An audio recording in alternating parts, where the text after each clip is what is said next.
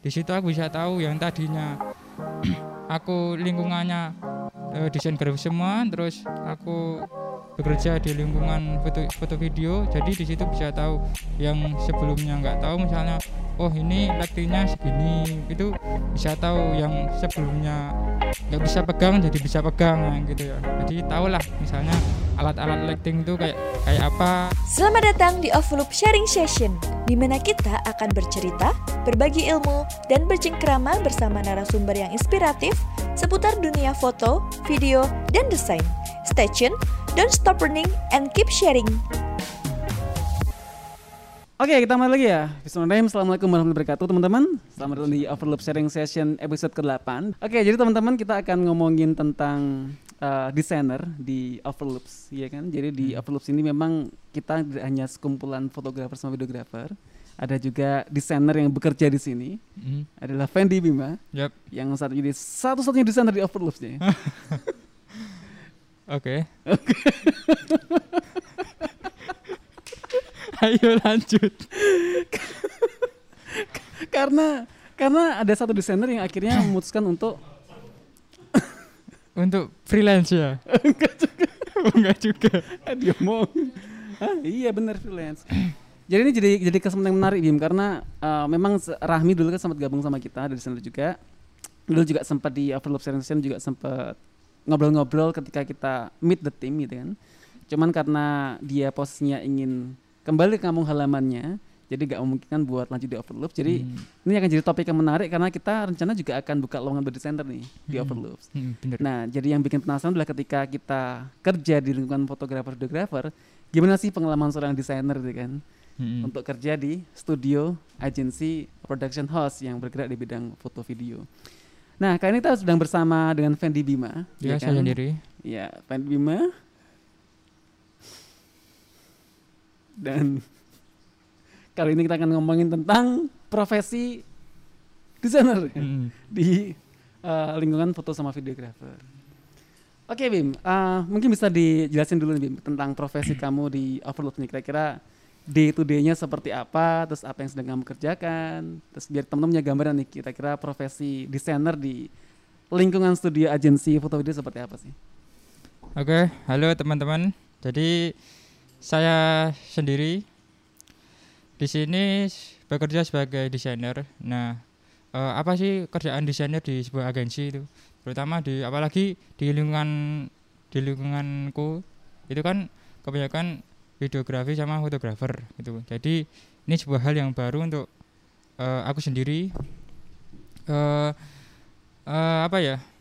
Kerjaannya itu ya mungkin bisa membantu eh, satu sama lain ya misalnya di sebuah eh, videografi itu kan masih ada editing video. Nah mungkin di situ kalau teman-teman teman-temanku yang ngedit video itu minta tolong oh ini misalnya nih tipografinya gimana warnanya gimana itu bisa saling membantu dari situ.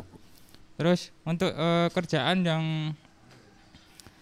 mungkin saat ini tak kerjain kebanyakan ini ya kayak membranding sebuah eh, perusahaan gitu ya startup gitu. Jadi kita branding sosial media seperti apa kemudian kita branding eh, kayak logonya seperti apa nanti eh, ada guideline guideline tersendiri gitu. Jadi eh, biar benar-benar kelihatan profesional lah gitu.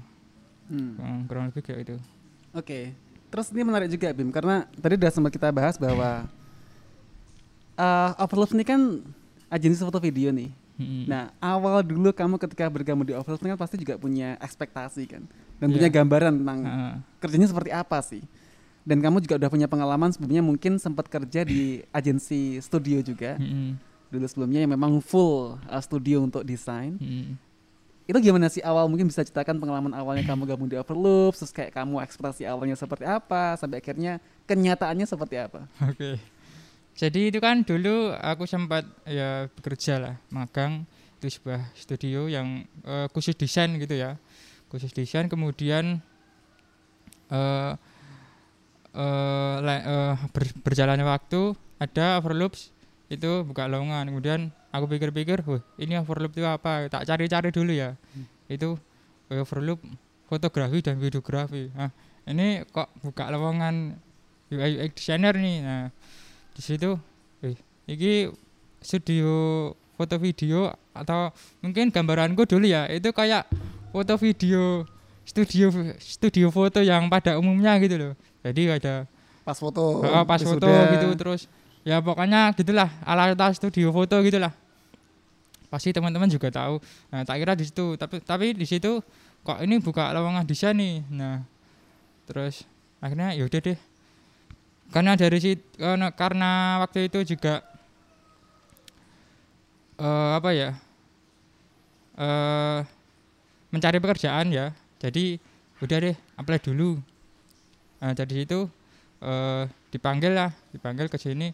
Ternyata loh sebuah rumah ternyata. Cuma sebuah rumah yang, dij- yang dijadikan sebuah kantor gitu ya. Ternyata wah ini ternyata kayak gini Eh, padahal tak kira sebenarnya oh kayak studio-studio foto pada umumnya gitu ya ya jadi seperti itulah gambaranku waktu itu ya. Eh, apa lagi Terus gimana? Ke kerjanya gimana? Mungkin ekspektasi awalmu kerja seperti apa sampai dia approve tuh kira-kira yang dikerjain apa itu sesuai dengan ekspektasi enggak sih? Oke, eh, untuk masalah pekerjaan tak kira eh dulu kan ya apa ya? Eh ngelihat sebuah profesi UI UX designer itu kan tak kira waktu itu kan sedang booming boomingnya UI UX designer yang eh apa ya kerjanya itu kayak nyusun nyusun timeline banyak banget gitu kayak ya kayak kayak ak- eh, kantor yang besar gitu ya. Tak kira eh, tugas yang kayak startup startup gede gitu terus ke sini ya ya gimana ya bantu bantu Mas Cendika ngurusi UI juga bisa terus bantu membranding sebuah startup juga bisa gitu jadi eh lebih ke eh apa ya di situ yang bisa tak kerjain tak kerjain gitu Mm. Apa paling aneh apa kerjaan yang kamu terima di Upload? paling aneh apa ya untuk saat ini? Eh, tak alami ya? Eh, apa ya? Yang paling menantang maksudnya. Eh, paling menantang. Ini sih. Eh apa ya?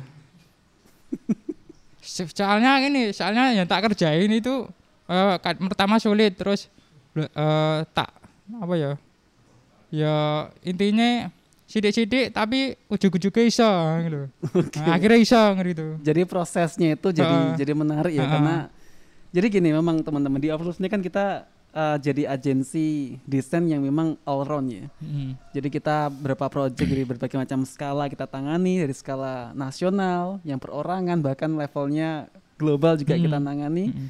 Dan di desainer develop itu memang juga akhirnya nerima banyak sekali tantangan. Dari tantangan mulai memang kita fokus idealis di bidang UI UX yang Hmm. memang segala patternnya untuk scalability-nya kita perhatikan sampai kita nangani project yang perorangan gitu kan Mm-mm. dan tidak untuk kemungkinan juga akhirnya si Fendi Bima ini juga bekerja untuk mengasis dari foto videographer. Mm-mm. Nah banyak proyek-proyek di Verloop tentang foto video yang akhirnya kamu tangani juga Bim ya, untuk mensupport untuk desainnya itu. Iya. kan. Mm. Nah yang menarik adalah ketika kamu akhirnya menjadi seorang desainer ya, yang minoritas mungkin ya di kalangan foto videographer. Kira-kira apa sih yang kamu pelajari gitu kan dari seorang yang ada di lingkungan kan beda nih kalau kamu kerja di agen studio kan mungkin kamu akan banyak belajar lingkungannya sama desainer akhirnya yang dihadapi ya tentang desain gitu kan tapi kalau Hmm. di foto video ini kan kamu akhirnya terekspos nih dengan banyak karya-karya foto video ini nah menurutmu gimana sih eh, kamu bisa bisa masuk di sana sebagai seorang desainer kan jadi kira-kira apa request apa yang sering kamu terima sebagai seorang desainer tentang proyek foto video dan apa yang kamu pelajari gitu kira-kira Mm, jadi eh eh ini ya. Jadi kan tadi sempat tak bilang jadi aku bisa membantu dari orang teman-temanku yang kerjanya di videografi atau fotografi yang di mana di situ misalnya mau diupload di sosial media dan di situ misalnya mau dikasih konten misalnya kata-kata atau kalimat itu kan aku bisa membantu dari situ. Oh ini eh, misalnya nih fotonya fotonya segini ruang ruang nafasnya segini mau dikasih konten eh, atau tulisan kayak gimana nih? Nah di situ aku bisa bantu warnanya juga bisa. Misalnya kalau di video-video kan itu kan eh, kadang ada kayak ya lower third gitu ya jadi kayak ya kayak judul misalnya gitu aku bisa bantu dari tampilannya dari situ Hmm. Hmm. Oke. Terus yang apa yang kira-kira eh, kamu pelajari Bim dari dari foto video? Kita kan tahu kan bahwa foto video itu kan saling terkait ya. Dari video sendiri kan memang merupakan sebuah audio visual gambar yang bergerak kan ditambah dengan suara video. Nah, eh, ada nggak sih prinsip-prinsip dasar dari eh, desain yang kemudian bisa diaplikasikan di di foto video? Lo dalam artian gini, em, kamu mendapatkan kesam ketika kamu lihat foto-foto karya atau video karya di Overloops dan kamu mengasis dan proses kamu ketika mendesain itu ada nggak sih kemiripan-kemiripan yang bisa mungkin saling menginspirasi gitu kayak katakanlah beberapa kayak ada rule of thirds terus kayak ada em, apa ya negative space. Hmm. terus kayak ada apa sih kira-kira yang bisa mungkin teman-teman di seorang fotografer tuh akhirnya bisa belajar dari desainer. Desainer juga akhirnya bisa belajar dari foto video. Ada nggak kira-kira yang kamu pelajari di situ? Oh, pasti ada. Jadi eh, kan unsur-unsur prinsip dari desain itu kan ada namanya layouting, kemudian warna, banyak lah ya. Ya kurang lebih hampir sama kayak foto video gitu ya. Jadi misalnya dari sisiku sendiri untuk melihat eh, dari teman-temanku yang bekerja di fotografi dan videografi, di situ aku bisa tahu yang tadinya aku lingkungannya eh, desain grafis semua terus aku bekerja di lingkungan foto foto video jadi di situ bisa tahu yang sebelumnya nggak tahu misalnya oh ini lightingnya segini itu bisa tahu yang sebelumnya nggak bisa pegang jadi bisa pegang nah, gitu ya jadi tahulah misalnya alat-alat lighting itu kayak kayak apa terus stand standnya kemudian ya banyak kamera juga di situ nah aku bisa ngambil pelajaran dari situ atau ilmu-ilmu yang baru lah di situ. Nah, begitu juga sama teman-teman yang teman-temanku yang kerja di foto video eh yang minta tolong ke aku misalnya, "Oh, ini mau mau dibuat seperti ini." Nah, itu mereka juga bisa belajar, "Oh, kalau eh, tipografi yang tepat untuk misalnya foto itu tergantung tema juga ya. Misalnya temanya yang profesional itu tipografinya ya yang eh, yang profesional juga yang enggak ya enggak yang ala-ala gitu. Terus eh, masalah warnaan juga misalnya mau dikasih teks bagian bawah tapi kan eh, bagian bawah foto misalnya nih. Tapi di foto itu kayak bagian bawahnya itu kurang kontras sama teksnya. Di situ bisa belajar oh dikasih background gelap misalnya biar lebih kontras misalnya kayak gitu. Hmm. Hmm.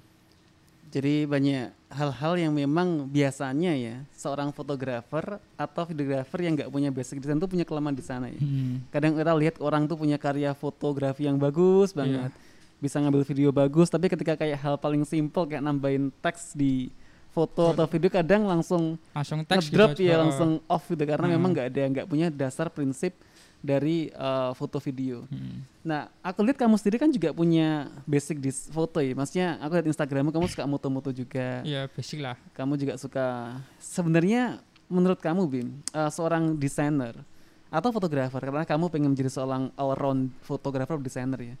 Itu lebih baik belajar desain dulu atau belajar desainnya belakangan setelah menguasai kamera. Hmm.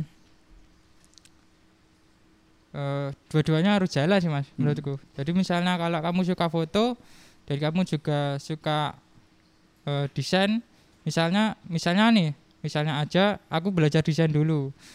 Eh, dari situ aku bisa eh, belajar tentang warna, terus belajar tentang tipografi, kemudian eh, pas waktu implementasi eh, banyak masukan, oh Hmm. banyak masukan ini ini terus aku juga bisa eh, misalnya suka foto di situ bisa belajar foto oh jadi kayak oh ini kalau fotonya gini tak kasih teks gini kurang cocok nah misalnya gitu jadi Hmm. kayak ya harus beriringan lah gitu Jadi jadi memang itu dua ilmu yang memang sejatinya itu Hmm. nggak bisa dipisahkan ya. Jadi kalau ada orang mikirnya aku fokusnya cuman fotografi aja kok atau videografi aja tuh itu nggak bisa juga. Iya, heeh, nggak Dan bisa. sebagian sebenarnya juga seorang desainer mungkin eh, nggak bisa lepas dari eh, mungkin bisa ya lepas dari dunia foto video tapi Hmm. in most of the case tuh kadang seorang desainer juga harus harus ngerti tentang fotografi Mm-mm. karena pada akhirnya kerjaan desain kan kita mengepikit suatu hal kan Mm-mm. kadang-kala memang harus mengcombine antara fotografi dengan dengan desain sendiri ada nilai tambahnya sendiri Mm-mm. Terus apa Bim? Kayak kamu ketika mengerjakan desain ya di di materi foto atau video, ada nggak sih sesuatu hal yang mungkin ingin kamu sampaikan ke seorang fotografer atau videografer? Bagusnya ngambilnya gini aja loh biar desainnya gampang gitu. Itu apa kira-kira yang mungkin harus perhatikan seorang fotografer atau videografer ketika memotret sesuatu sehingga proses kamu membuat itu sebagai sebuah finish product yang akan di di launching katakanlah sebagai marketing material, sebagai konten sosial media itu bisa lebih lebih bagus gitu. Hmm. Apa kira-kira yang ingin kamu sampaikan ke ke fotografer, videografer ketika ngambil gambar supaya lebih enak kamu desainnya? Jadi ini eh, komunikasi juga ya, Hmm. misalnya di- eh, saya sebagai desainer sama fotografer. Jadi harus komunikasi. Misalnya nih mau ngambil foto produk, eh, ya ngambil foto produk di situ kan eh, nanti desainer bisa request, oh bisa cari cari referensi dulu, baru bisa request, oh nanti tolong ya fotonya eh, space apa negatif space-nya digedein di digedein lagi, jangan terlalu mepet eh, frame-nya gitu. Jadi ada ruang nafas yang bisa dipakai untuk nanti dipakai untuk eh, eh, apa ya? Dikasih konten lah, konten kata-kata misalnya gitu. Jadi negatif space itu memang penting Mm-mm, banget ya. Penting banget. Lainnya mungkin Lainnya mungkin apa ya? kayak tone-nya. Oh iya. Mungkin kalau masalah tone bisa edit ya. Hmm. Kalau mungkin lebih ke condong ke ini sih. Eh, kalau misalnya mau nonjol, nonjolin produk itu kan nanti kalau produknya kayak kepotong frame-nya gitu kurang enak kalau dikasih misalnya nanti mau dijadikan sebuah konten gitu. Hmm. Jadi ya harus harus benar-benar pas lah. Pasti fotografer juga ngerti nanti. Jadi anu ya, emphasize on produknya itu Hmm. kayak nggak kepotong tuh penting banget Mm-mm. karena sering kali ketika kita mendesain terus pengen gambarnya itu isolated ya, karena kan namanya desain tuh pasti croppingnya akan sangat luasa Hmm. ya. Kalau di fotonya itu sudah kepotong itu kita bakal susah. rep ini harus mepet Hmm. nih berarti apalagi kanan kiri kepotong nih Iya. nggak bisa ditaruh mana-mana. Jadi itu teman-teman. Karena kadang-kadang seorang fotografer tuh pengennya itu langsung dapat suatu gambar yang jadi gitu. Nah, jadi. Jadi kayak framingnya tuh pengennya yang pas banget. Padahal dengan kepotong itu efeknya akan sangat menyusahkan Ah, kita beda. ya sebagai seorang desainer ya. Apalagi kalau requestnya pengen bikin sesuatu yang di desainnya tuh banyak negatif space-nya untuk ngasih informasi, dengan produknya itu bahannya kepotong. potong. akhirnya mau nggak mau kamu harus ngasih ngasih anu ya ngasih klip ya Iya, taruh di kotak itu bikin desainnya nggak nggak jadi lebih bagus itu kan. Nah kamu sendiri bim kayak katakanlah em, menurut kamu nih ini menarik juga sih sebenarnya pertanyaannya karena aku melihatnya itu sebagai seorang yang bukan berasal dari foto videografer kamu masuk di lingkungan seorang lebih banyak masuk di lingkungan eh, fotografer videografer kamu melihat karya Overloops itu gimana sih menurut kamu yang membuat kamu kan ah, udah terekspos dengan karya-karya Overloops ya Hmm, kamu hmm. membuat dengan kita materi buat sosial media buat Hmm. promosi karya-karya kita kamu kan mau nggak mau harus melihat Iya. hampir semua dari Iya. video kita Iya. apa yang menurut kamu membuat kita tuh berbeda Eh, jadi eh, karena aku disuruh kayak membuat konten untuk Overloops ya. Jadi paling enggak aku juga lihat video-video dari pekerjaan dari Overloops. Di situ aku menilai eh, mantap sih. Maksudnya ya dari sisi sinematiknya dapat, dari sisi lightingnya dapat. Jadi komplit lah kalau em, eh, dijadikan sebuah video yang dibilang bagus udah cocok terus dari situ eh apa ya awal tadi mas pertanyaannya kok lupa aku apa yang membuat kita tuh berbeda dari maksudnya atau ini aja deh lebih gampangnya. Bagi kamu ya sebagai seorang orang visual ya Heeh. yang memang mengerti tentang esensi kaidah estetika di dalam desain. Kalau desain jelas Bim ya. Maksudnya desain itu jelas tentang uh, dari segi layout mengkomunikasikan ide mengkomunikasikan message itu jelas di dalam sebuah karya desain. Tapi kalau di bidang video tuh mungkin juga sama cuman di video kan lebih terenhance kan komunikasinya karena kita melibatkan ada audio juga Hmm. melibatkan ada gambar yang bergerak adegan-adegan kalau karya bagus di desain kan sudah ada parameternya kamu Hmm. kalau video yang bagus tuh menurutmu yang seperti apa sih Menurutku ya, eh, dari, dari perspektif seorang yang mungkin awam heeh. dan perspektif seorang desainer Oke. Jadi kan eh, sebagai seorang desainer kan pasti juga tahu eh, misalnya kalau aku sendiri misalnya buat ilustrasi itu kan pasti ada sebuah lighting atau cahaya terus kemudian ada bayangan gitu ya. Jadi kalau sebuah video menurutku eh, lightingnya pas kemudian eh, misalnya nggak keterangan nggak kegelapan nah misalnya gitu terus kalau misalnya ada sebuah eh, apa ya tulisan di situ itu eh, tata tata letaknya itu pas gitu. Jadi nggak kok nggak nutupi apa ya fokusnya apa namanya poin fokusnya Poin dari video ini? itu. Nah jadi ya pas lah gitu. Terus dari eh, misalnya ukuran teksnya juga nggak ke- kegedean terus nggak kekecilan juga. Jadi dari situ bisa dibilang udah bagus Nah, menarik sekali nih poin yang kamu sampaikan teksnya kegedean kecilan tuh. Hmm. Karena kebanyakan videografer itu yang mungkin masih pemula ya. Mm-mm. Aku katakannya pemula di sini. Itu sering kali ketika mengedit sebuah video, dia kan layarnya itu ada timeline, Iya. ada juga previewnya, ada Hmm. efeknya, macam-macam. Jadi windownya itu kecil dan isinya macam-macam gitu. Iya. Yang paling sering terjadi adalah ketika mau ngasih teks. Itu indikasinya kan dia layarnya kecil loh. Teksnya normalnya segitu, tapi Hmm. ketika orang ngeplay di ukuran full size, full screen, tuh teksnya jadi jadi gede banget Jadi gitu gede kan. banget Karena ya. ketika dia ngeditnya di di kecil gitu kan. Hmm.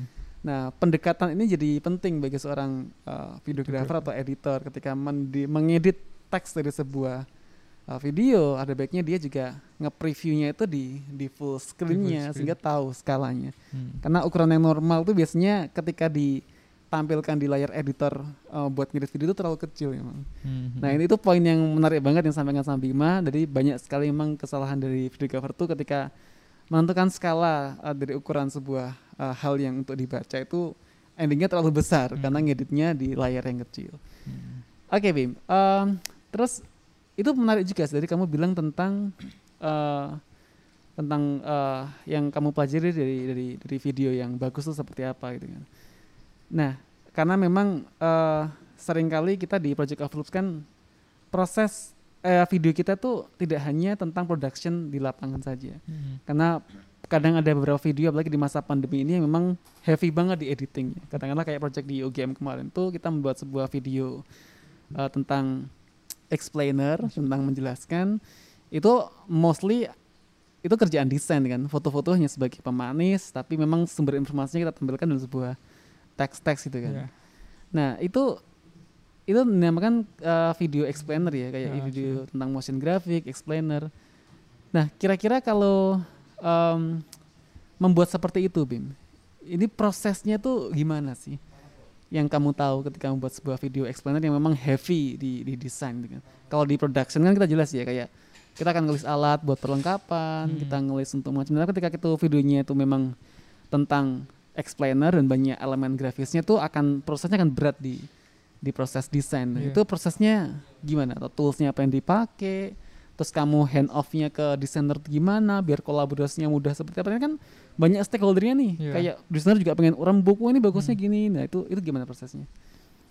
Eh, dari dari aku sendiri ya itu eh, pertama itu kayak nentuin misalnya nih video explainer yang stylenya itu flat ya flat Hmm. gitu terus eh, nentuin gimana caranya kayak stylenya style dari eh, kontennya itu sendiri misalnya style eh, apa ya judulnya kayak gimana kemudian style warna-warnanya kayak gimana itu biasanya di situ eh, lebih proses agak lama sih Mm-mm. jadi eh, dicoba-coba misalnya oh ini mau tak coba nih style style kayak kayak gini kok kurang cocok ganti meneh. Terus masalah eh software ya itu bisa, pakai Figma kalau pengen kolaborasi banyak orang. Jadi nggak nentuin satu software aja. Misalnya kalau aku sering pakai Illustrator Adobe Illustra- Illustrator itu bisa pakai Figma. Jadi dari editor video juga bisa mengakses lebih mudah misalnya oh ini kalau dipakai style pakai kayak gini kurang cocok kan nanti bisa kolaborasinya bisa mudah gitu Hmm. Mm-mm. Jadi untuk ekspor aset-asetnya tuh lebih gampang. lebih ya. gampang Apalagi kayak Figma ini kan software yang berbasis vektor kan. Iya. Jadi mau diekspor ukuran apa aja, oke-oke Hmm, aja. oke-oke. gitu kan. Tapi menarik ketika kamu nyebutin tentang tentang definisikan style dulu Mm. gitu kan. Jadi salah satu masalah yang memang sering kali dihadapi sama atau videografer sering luput itu adalah konsistensi dari dari style sih. Mm. Dan di software kayak Figma itu memang kayak stylenya itu bisa kita define ya. Iya. Jadi di awal stylenya kita tentukan dulu warna yang dipakai itu apa, mungkin maksimum tiga warna. Iya. Terus kemudian teksnya itu juga maksimum mungkin dua jenis Iya. uh, ukuran, Hmm. dua jenis uh, jenis font, Mm. font type-nya, sehingga nanti across dari semua scene tuh semuanya stylenya bisa yang pertama bisa konsisten, Iya. terus yang kedua juga bisa lebih enak dilihat karena nggak Hmm. terlalu rame gitu Mm, kan. benar benar benar Nah itu itu jadi menarik banget. Terus eh, setelah kamu sering kali eh, terekspos dengan karya foto video itu kira-kira ada nggak sih ketarikan kamu sendiri untuk kemudian terjun ya di bidang foto dan apa apa yang mungkin membuat kamu jadi jadi optimis. Jadi gini, aku lihatnya kan eh, seorang fotografer videografer yang berangkat dari desainer itu biasanya akan lebih mudah untuk beradaptasi dan uh, mungkin hasilnya hasil karyanya mungkin relatif lebih lebih bagus ya dibanding dengan teman-teman yang langsung berangkat dari foto video tanpa mengerti tentang prinsip dasar desain. Nah, kira-kira apa sih yang kamu pribadi yang kalau kamu aku yakin kamu masih berminat sih untuk kemudian Hmm. berlanjut di menekuni juga di foto video itu. Apa yang membuat kamu kira-kira confidence bahwa kamu aku bisa nih bikin karya yang bagus di foto video? Ada nggak yang buat kamu itu jadi optimis bahwa karena kamu udah ngerti tentang sense of jadi di foto kan ada namanya DOP kan Iya. jadi director of photography yang itu sebenarnya kan kalau foto video kan dia fokusnya di sebuah scene kan Iya sih. sebuah frame kan Mm. yang di frame itu banyak prinsip-prinsip tentang layout Mm. prinsip-prinsip tentang elemen gambar dan sebagainya Mm. Apa yang membuat kamu mungkin yang pertama mungkin tertarik nggak di foto video kalau tertarik kira-kira apa yang buat kamu tuh optimis untuk bisa kemudian bisa menghasilkan karya yang bagus Oke, eh, jadi gini ya teman-teman. Jadi misalnya kamu sebagai seorang desainer, jadi eh, jangan jangan kok yuk, wah aku desainer, wah aku males lah, aku sinau foto video ini wah aku males ini. Jadi jangan kayak gitu ya. Jadi kita kan sebagai seorang desainer juga nggak salah juga kita belajar tentang foto video, apalagi eh, eh, di situ bisa apa ya kayak menjadi nilai plus atau menjadi nilai tambah untuk diri kita sendiri. Jadi kalau aku sendiri tertarik sih karena di situ aku basically ya sudah pernah lah nyobain eh, yang namanya nge-shoot scan nge-shoot video itu juga pernah. Terus foto dari belajar tentang roll after gitu juga pernah terus belajar tentang ya pokoknya yang basic-basic fotografi itu juga pernah. Eh, dari situ kan misalnya nih waktu itu aku belajar video tapi belum kenal desain. Itu aku ngesulnya ngesulnya tuh ya mbok watan ngesul lah sepenting itu gambari lah ngono lah. Terus jadi pas aku kenal desain aku belajar belajar situ. Terus waktu itu eh, pernah nyoba ngulik-ngulik apa ya ngulik-ngulik video lama atau berkas lama itu pas tak style wah di situ ada videonya pengen tak delete. Tapi ya itu jadi kenang-kenangan lah. Itu jadi ke depannya aku bisa belajar oh kalau eh, nge-shoot tuh enaknya eh space-nya segini terus lightingnya terus pencahayaannya gimana itu jadi bisa belajar di situ. Jadi untuk membuat sebuah video uh, adalah ilmunya sedikit-sedikit gitu. Tapi an loh bagus karena kalau kita ngomongin tentang skala production yang serius ya, Hmm, itu perannya desainer akan sangat penting. iya. Apalagi kalau kita ngomongin tentang pembuatan kayak storyboard. Hmm, Percaya nggak? Jadi kayak gambaran visual. Jadi kan desainer gini, desainer tuh kan seseorang yang mudah untuk mengungkapkan, menurahkan dari isi kepala ke dalam bentuk visual yang dia ciptakan sendiri gitu. Di create ya kan, di software pengolah gambar.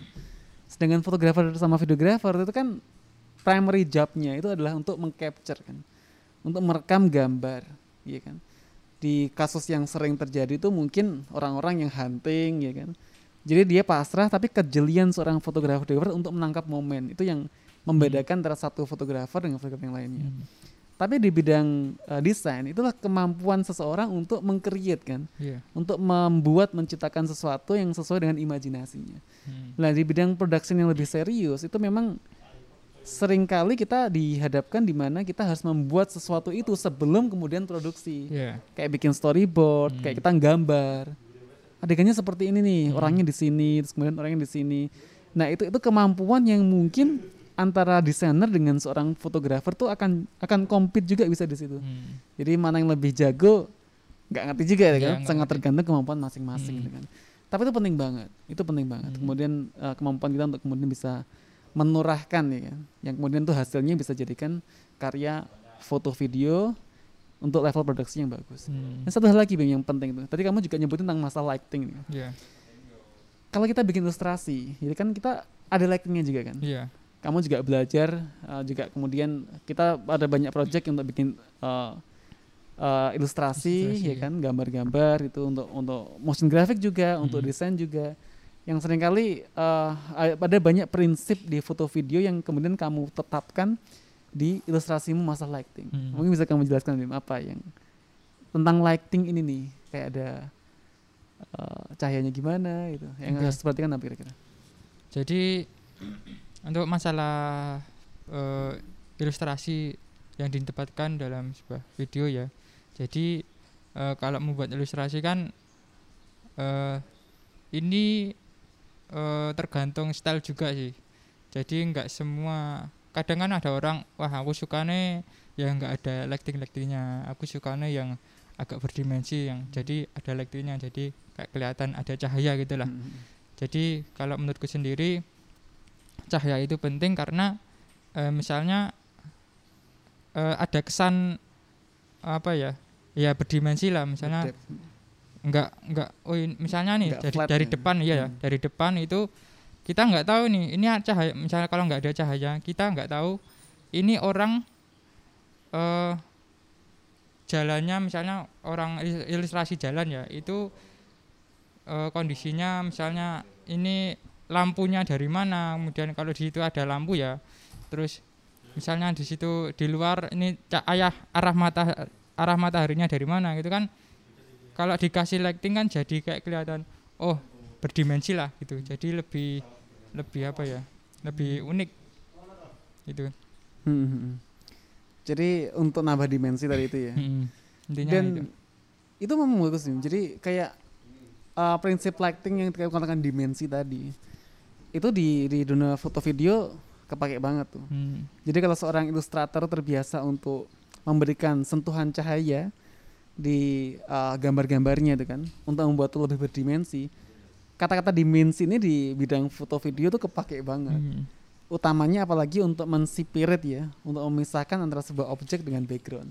Hmm. Dengan membuat kita ngasih highlight di rim light itu kan Iya. bisa memisahkan ya dengan Iya. dengan backgroundnya dan itu Hmm. itu kepake banget sih Hmm. membuat foto video itu lebih berkarakter dan yang menarik lagi ketika eh, seorang eh, videographer atau desainer lah katakanlah mau ketika ada treatment lighting ya di ilustrasi atau di foto video itu akhirnya ketika orang sudah punya ter atau terekspos dengan dunia foto video satu hal yang paling penting adalah masalah konsistensi jadi ada arah cahaya yang konsisten ya jadi katakanlah yang mungkin sering kali seorang desainer juga itu luput.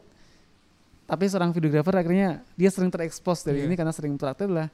Ketika cahaya di situ ya akhirnya semua shadow harus di sebelah sisi kanan Iya, gitu kan harus harus konsisten gitu kan. Hmm.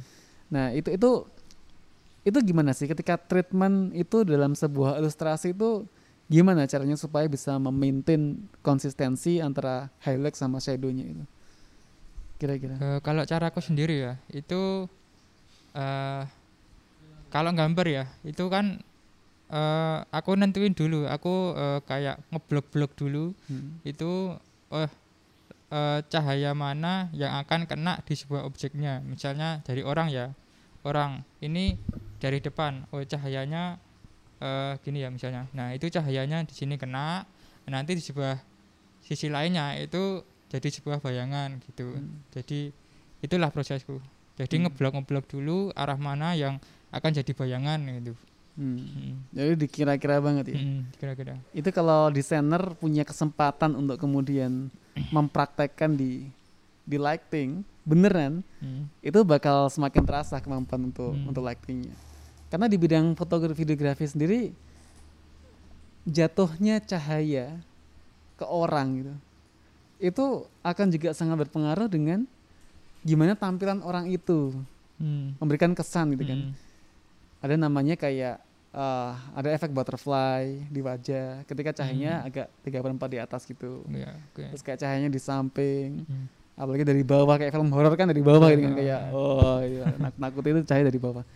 Itu itu sebuah elemen of apa ya untuk ngasih sebuah impresi ya sebuah kesan dalam sebuah karya untuk sesuai dengan tema-tema tertentu mm, mm. jadi kamu udah jelasin bahwa tema-temanya kayak font aja berpengaruh ya dalam Iya, tema berpengaruh, ya lighting juga bisa berpengaruh ya dalam hal tematik kalau ingin memberikan ilustrasi seperti apa dan juga desain seperti apa. Jadi orang-orang yang memang sudah terbiasa uh, mengatur lighting on the spot itu di di bidang uh, desain itu mungkin akan lebih lebih konsisten juga. mm, mm, Se- Seorang desainer yang memang sudah terbiasa membuat karya dengan treatment lighting untuk nambah dimensi, ketika dia dihadapkan dengan uh, situasi dia harus memotret dengan lighting, dia pasti akan pendekatannya gimana caranya membuat sebuah gambar supaya lebih berdimensi. mm. Itu penting banget Tim, karena saya lihatnya itu kayak sering kali seorang fotografer tuh penting padang ya, ya penting terang kadang, ya, kayak lightingnya kanan kiri Ah. rata itu kita objeknya itu ketok itu tapi nggak berdimensi Iya. Nah, kalau orang yang memang paham tentang dimensi tadi dia menempatkan lightingnya mungkin akan dibikin cross ada yang depan ada yang belakang Mm, atau mm. di belakang semua Hmm. tergantung temanya seperti Iya. apa tapi kalau temanya pas foto ya emang temanya apa ya lightingnya depan semua Depan sih semua. Nah, itu buat pas foto Mm. oke em, kita mungkin lihat dulu di Ya, di ada yang bertanya di Instagram atau di Facebook adakah yang teman yang bertanya? Ini kayaknya pasti ada ini. Saya nggak anu ya nggak nggak nggak ngecek kan ada nggak sih yang tanya? YouTube. Sebentar teman-teman. Hmm, oke sambil nunggu loading ya.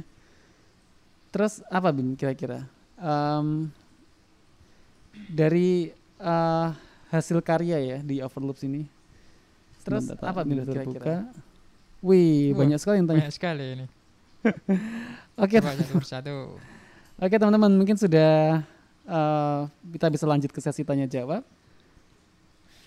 Udah ada yang nanya itu kawan saya sih KNA Ikhwan Hakim. Itu Oke silakan saya. Ikhwan Hakim kalau mau bertanya. silahkan monggo monggo Nanya dong Mas Bima apakah desain bisa dijual?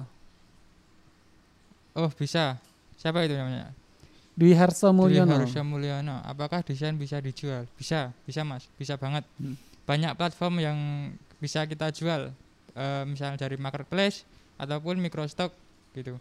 Eh, banyak kok di Google.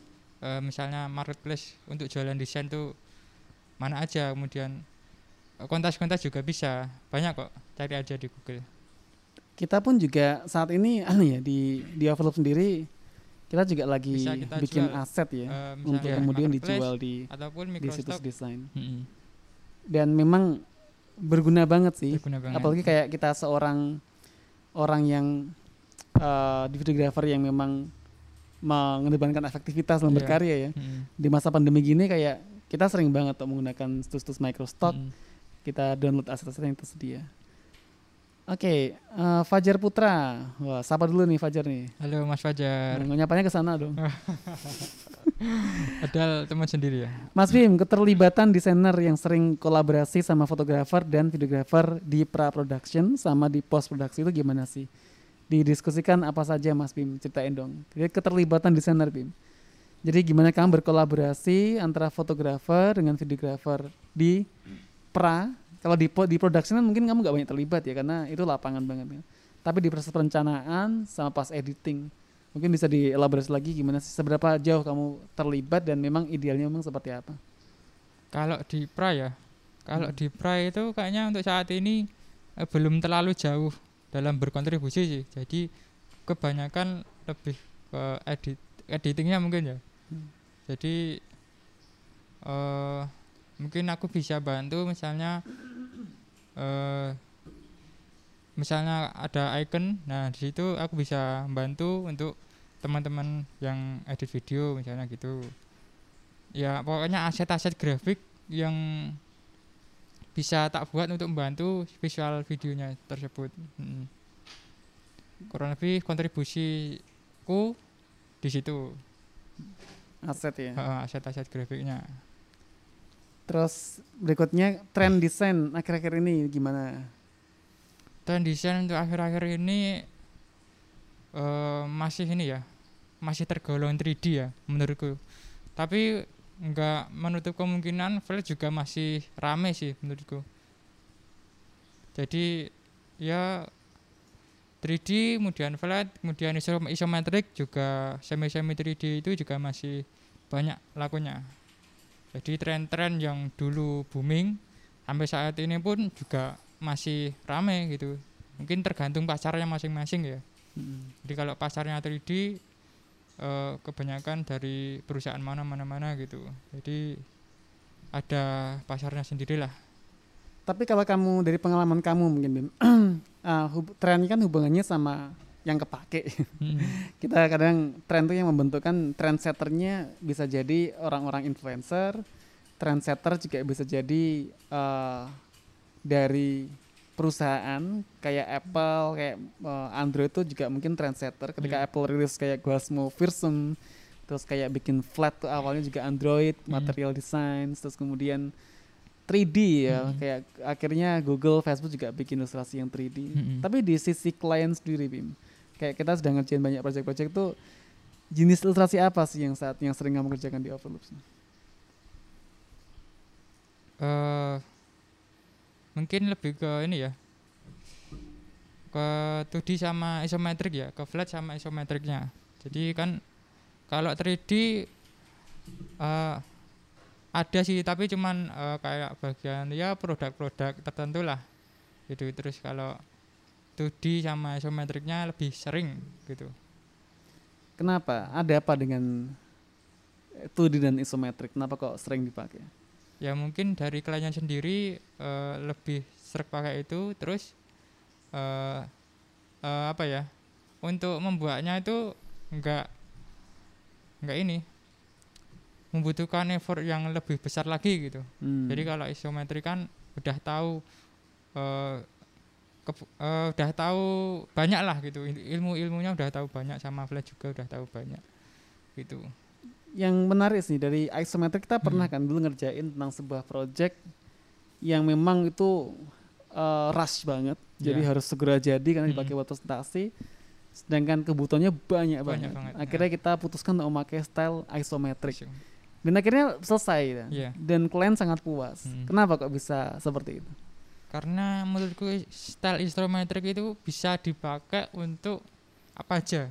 Jadi untuk konten media sosial juga bisa untuk presentasi pun juga bisa gitu.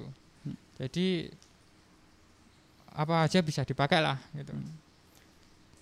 Dan kalaupun eh, ngedit ngedit style warna ya itu juga menurutku nggak susah-susah banget sih. Hmm. Heeh, gitu Tapi yang penting lagi adalah tadi ada hubungannya dengan yang dijual tadi ya.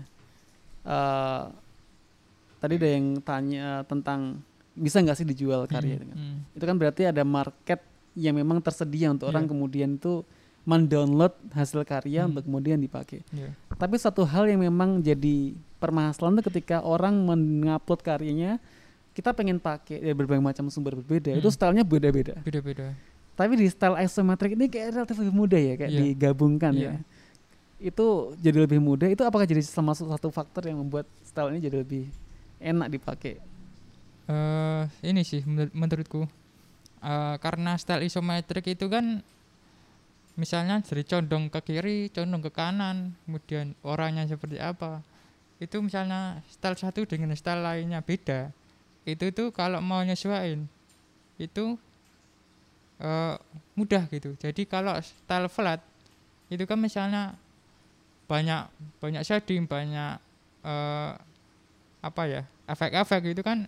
Itu kalau nyes- nyesuaiin tuh agak agak-agak susah gampang lah. Tapi kalau di isometric itu tuh mau nentuin style karakternya seperti ini misalnya digabungin misalnya nih eh, eh, orang sama rumah itu stylenya beda itu tapi kalau mau disesuaiin itu lebih mudah lah itu Hmm. jadi lebih gampang Jadi eh, isometrik ini ada sebuah style ya. Mm. Memang kadang buat di macam-macam itu juga susah karena pakemnya ya proporsinya seperti itu Hmm. dan ketika di case di bolak-balik itu juga harus masih bisa dipadu-padankan. Iya, Jadi proporsinya itu fix gitu Hmm, kan. fix. Mungkin yang membedakan hanya kayak level of detailsnya Iya, aja kan. hmm. Ada yang detail banget gambarnya, ada yang cuman simple. Oke, em, ada lagi pertanyaan dari Ikhwan Hakim nih. ini Tanya Mas Bima, apa tantangan terberat yang pernah kamu lewati sejauh ini? Waduh ini ini Ivan Hakim itu salah satu teman saya kuliah seperjuangan ini. Wedan. Ini kok gigi Isan nggak komentar? gimana gimana gimana? Eh, Tantangannya Bi, mungkin di Ivan kan juga lihat kan gimana? bentar, bentar. Ini masalahnya tantangan apa nih? Ini masalah pribadi apa pekerjaan? Tapi kalau masalah pribadi kayaknya nggak usah nggak usah tak ini ya. Oh, langsung japri Oh. aja nanti. Atau dia udah tahu Kita sebenarnya. ngopi aja, oke? Jadi ini tak jelasin mungkin ke pekerjaan aja. Eh, tantangan pekerjaan terberat eh, apa ya? Eh, lebih ke ini mungkin. Eh, lebih ke apa ya? Meriset sebuah sesuatu yang sebelumnya aku nggak tahu belas. Tapi di situ aku juga belajar walaupun masih kesusahan ya menurutku riset itu menurutku loh itu hal yang paling susah masih aku masih wah ini gimana e, cara biar cepat dapat e, poin-poinnya itu gimana itu aku masih Hmm. susah sih riset gitu Itu penting banget. Oh, Jadi penting banget. memang apa yang kita sampaikan uh, sebagai tim Philips itu kan seringnya adalah kita sebagai seorang agensi itu tidak hanya sebagai operator, Heeh. Iya kan? Tapi kita di sini juga sebagai seorang agensi yang ahli di bidangnya sehingga ada pekerjaan dari klien itu tugas kita juga tidak hanya eksekusi tapi memberikan rekomendasi. Iya kan? Hmm, Dan rekomendasi itu biasanya akan timbul ketika kita udah banyak basic background dari apa yang sedang kita kerjakan. Jadi kayak, kayak kemarin katakanlah karena sering kali klien tuh pun nggak ngerti apa yang Iya, dia inginkan, ngerti, iya kan? Jadi kita harus bisa memberikan mereka rekomendasi. Kita sebagai seorang expert di bidang ini, meskipun itu hal yang juga baru bagi kita, tapi pendekatan kita itu harus diawali dengan sesuatu yang bisa kita rekomendasi ke klien sehingga apa yang kita deliver ke klien itu memang dipastikan bisa membuat usaha klien itu jadi lebih berkembang, Heeh. Lebih uh, di atas dari kompetitornya. Jadi risetnya itu harus di kompetitor dulu, Hmm. termasuk gimana sih style desain Iya, mereka, starting. terus kemudian informasi-informasi yang mereka berikan di situsnya. Karena Hmm. copywriting ini kan juga bagian yang penting banget. iya ya. penting banget Nggak hanya seorang fotografer, videografer ya, tapi di desainer juga itu copywriting ini jadi hal yang momok kadang karena kita terlalu fokus ke eksekusi visual, tapi untuk masalah ide, Ide. penyampaian message-nya itu sering kali kita susah berat di situ karena Hmm. itu mungkin bisa katakan pekerjaan orang komunikasi tapi Hmm. sering kali kita dihadapkan di mana apalagi seorang full stack designer ya emang harus bikin sesuatu tuh sok, sok copywritingnya Iya. sok teks-teksnya Apa? padahal orang padahal kliennya pun juga nggak siap akan Iya, hal itu gitu kan wes pokoknya di siapa ya kadang teksnya sangat minimal kita harus ngasih sesuatu yang teksnya itu lengkap banyak deskripsinya nah itu itu, itu kerjaan ekstra Iya, desainer yang ekstra. Uh, di area yang masih mungkin nggak terlihat tapi sering kali dibutuhkan iya dibutuhkan banget Ya jadi risetnya jadi tantangan Dim ya Hmm. selama ini ya. iya Terus gimana? Uh, mungkin jelaskan tentang, tentang proses riset di Avalus itu seperti apa, jadi- tools apa yang digunakan?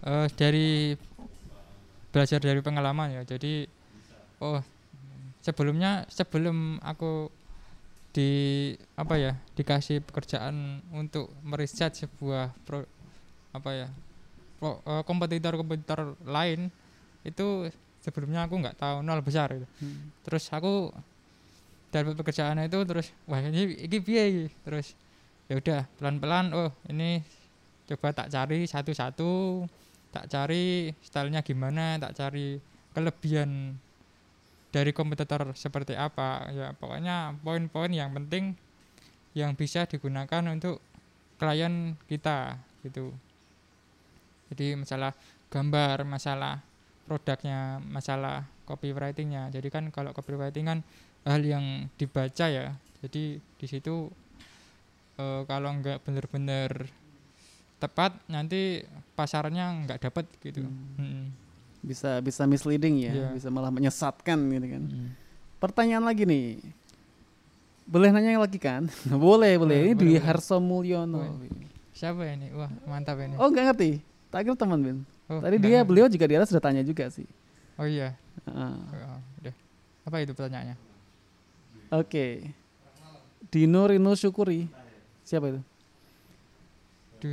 Boleh nanya lagi, eh, siapa sih desainer idol- idolanya Mas Bima yang ada di Jogja atau di Indonesia? Nah, kamu kan terekspos di banyak network desainer Bim. Kira-kira ap- siapa sih yang jadi panutan kamu untuk berkarya yang ada di Jogja atau Indonesia atau Indonesia?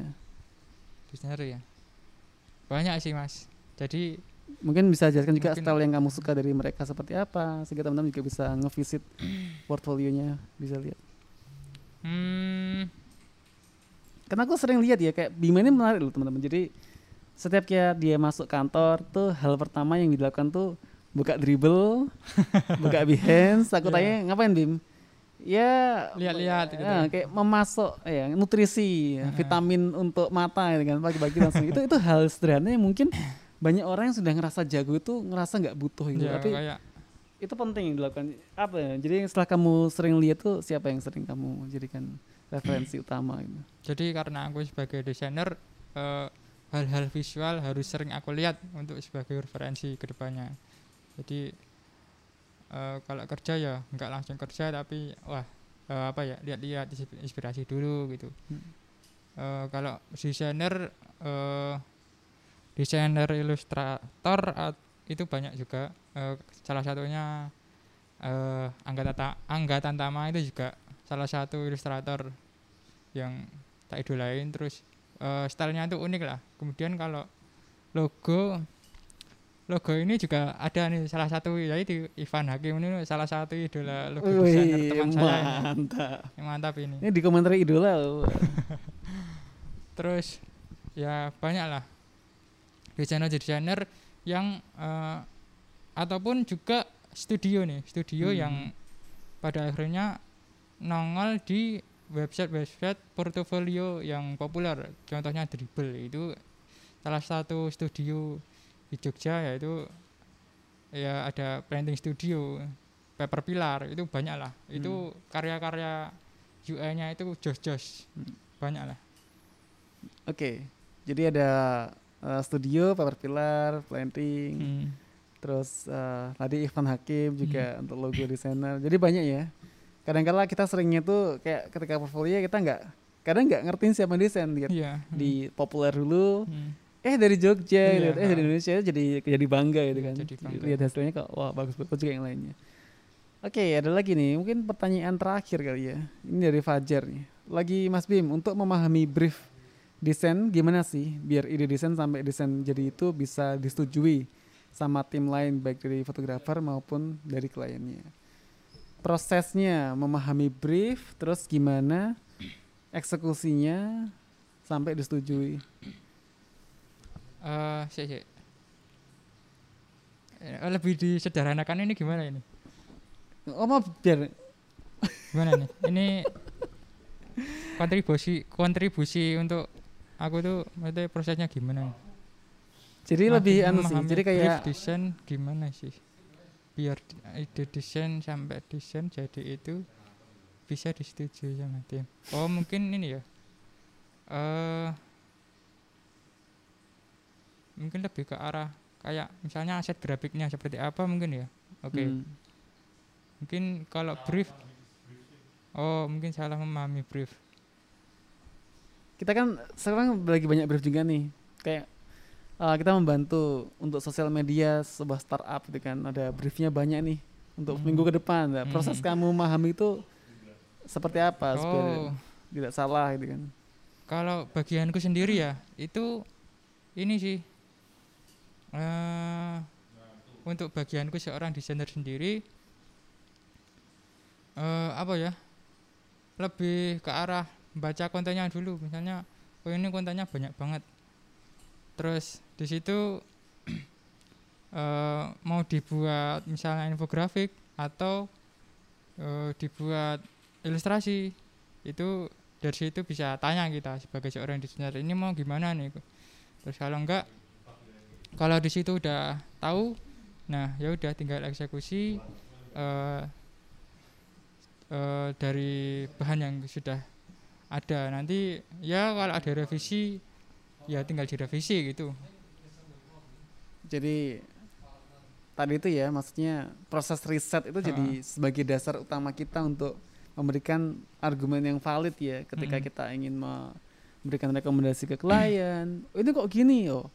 Karena kompetitor seperti ini approach-nya. Mm. Kalau kita ingin uh, menang di kompetisi ini, memberikan hasil lebih baik ya kita harus ngelakuin ini. Jadi ada proses riset jadikan validasi kita dan kita ngelakuin segala sesuatu itu nggak hanya dari dari asumsi aja.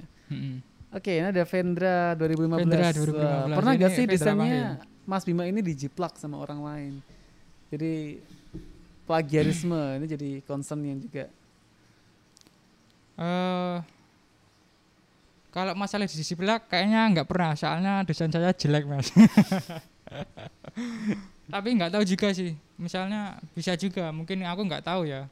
Karena dunia eh, internet itu luas banget jadi kita nggak bisa satu ulik satu ulik gitu. Hmm. jadi aku juga nggak tahu sih mungkin aku pernah mungkin enggak kayaknya enggak sih. Soalnya lebih ke arah jelek mas desainnya mas Jadi anu ya, eh, mungkin kasus plagiarisme ini kan apalagi kan nyopot hasil karya itu di dunia foto video kan sangat sering terjadi. ya Tapi di dunia desain ini memang sering juga Sering terjadi juga. ya. karena sering kita elemen desainnya dipakai untuk apa tanpa izin ya kan. Sering kita juga kita lihat gambar banner gede itu masih ada tulisannya Shutterstocknya Iya, juga ada eh, juga. Maksudnya iya. orang kesadarannya akan ada lah plagiarisme juga masih lucu ya di di, di, di negara kita. ini. Tapi sebagai seorang desainer eh, untuk menjiplak atau mempelajari itu mungkin boleh eh, bagi saya boleh-boleh aja asalkan jangan diperjualbelikan gitu. Hmm. untuk belajar aja lah gitu. skalanya masih memang Eh, untuk, untuk- amati tiru modifikasi Iya. gitu kan itu proses sebagai proses belajar ya karena memang penting ya bagi seorang fotografer atau videografer desainer untuk kemudian punya benchmark karya kan punya aiming Hmm. untuk mencapai di level itu dan kita akhirnya tercapai enggaknya setelah kita punya karya memang bisa menyamai gitu kan Mm, mm, untuk selebihnya seperti apa pengembangannya ya tergantung uh, pribadi masing-masing mm. Dan untuk teman-teman yang apa ya istilahnya baru mulai nih, baru mulai lebih suk eh, baru suka-sukanya, baru semangat-semangatnya eh, tentang dunia visual, tentang dunia desainer itu ini ya eh, apa namanya? eh, ya lebih lebih lebih lebih sering lebih lebih sering eh, lihat portofolio orang lain lah Hmm. lebih sering lihat visual-visual dari web portofolio dari situ kamu nanti belajar misalnya eh misalnya kamu pengen jadi seorang logo desainer nah dari situ kan banyak nih contoh-contoh desainer eh, yang karyanya bagus-bagus di situ banyak yang simpel-simpel kamu bisa tiru dulu yang simpel-simpel. Eh, kalau enggak misalnya ada teman kamu nih kalau masa ma- kalau baru awal-awal eh, menurutku untuk wah masuk gratis desain kayak gini. Nah itu kayaknya kurang worth it lah kalau baru awal-awal coba deh aku bantu aku ngebantu buat banner untuk organisasimu deh gini gini Hmm. nah itu bisa jadi portofolio kita teman-teman gitu Jadi untuk semangat berkarya ya. Mm-mm. Apalagi jangan terus di awal tuh kita jual mahal. Iya. Apalagi uh, ada kesempatan untuk beramal ya, Mm-mm. lakuin aja Iya. karena sejatinya kita juga butuh berlatih dan Mm. nggak ada yang sia-sia di Bang Iya, Lisan ya. At least iya. kita dapat portfolio yang bisa jadikan model buat mencari karir depannya. Iya, benar. Oke Bima, uh, mungkin sementara kita bisa akhiri podcast kita kali ini. Mm-mm. Uh. Insya Allah ke depannya akan banyak lagi kesempatan buat sharing-sharing lagi di Hmm. Overloop Sharing Session.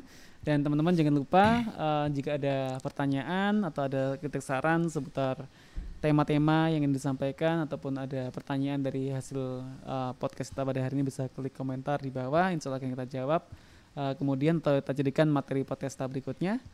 Makasih lagi Bim udah sharing-sharing sama teman-teman. Ya, kasih Uh, juga, semoga ilmunya bermanfaat buat semuanya. Amin. Makasih buat semua udah nonton. Sekian dari kami dan wassalamualaikum warahmatullahi wabarakatuh. Waalaikumsalam warahmatullahi wabarakatuh.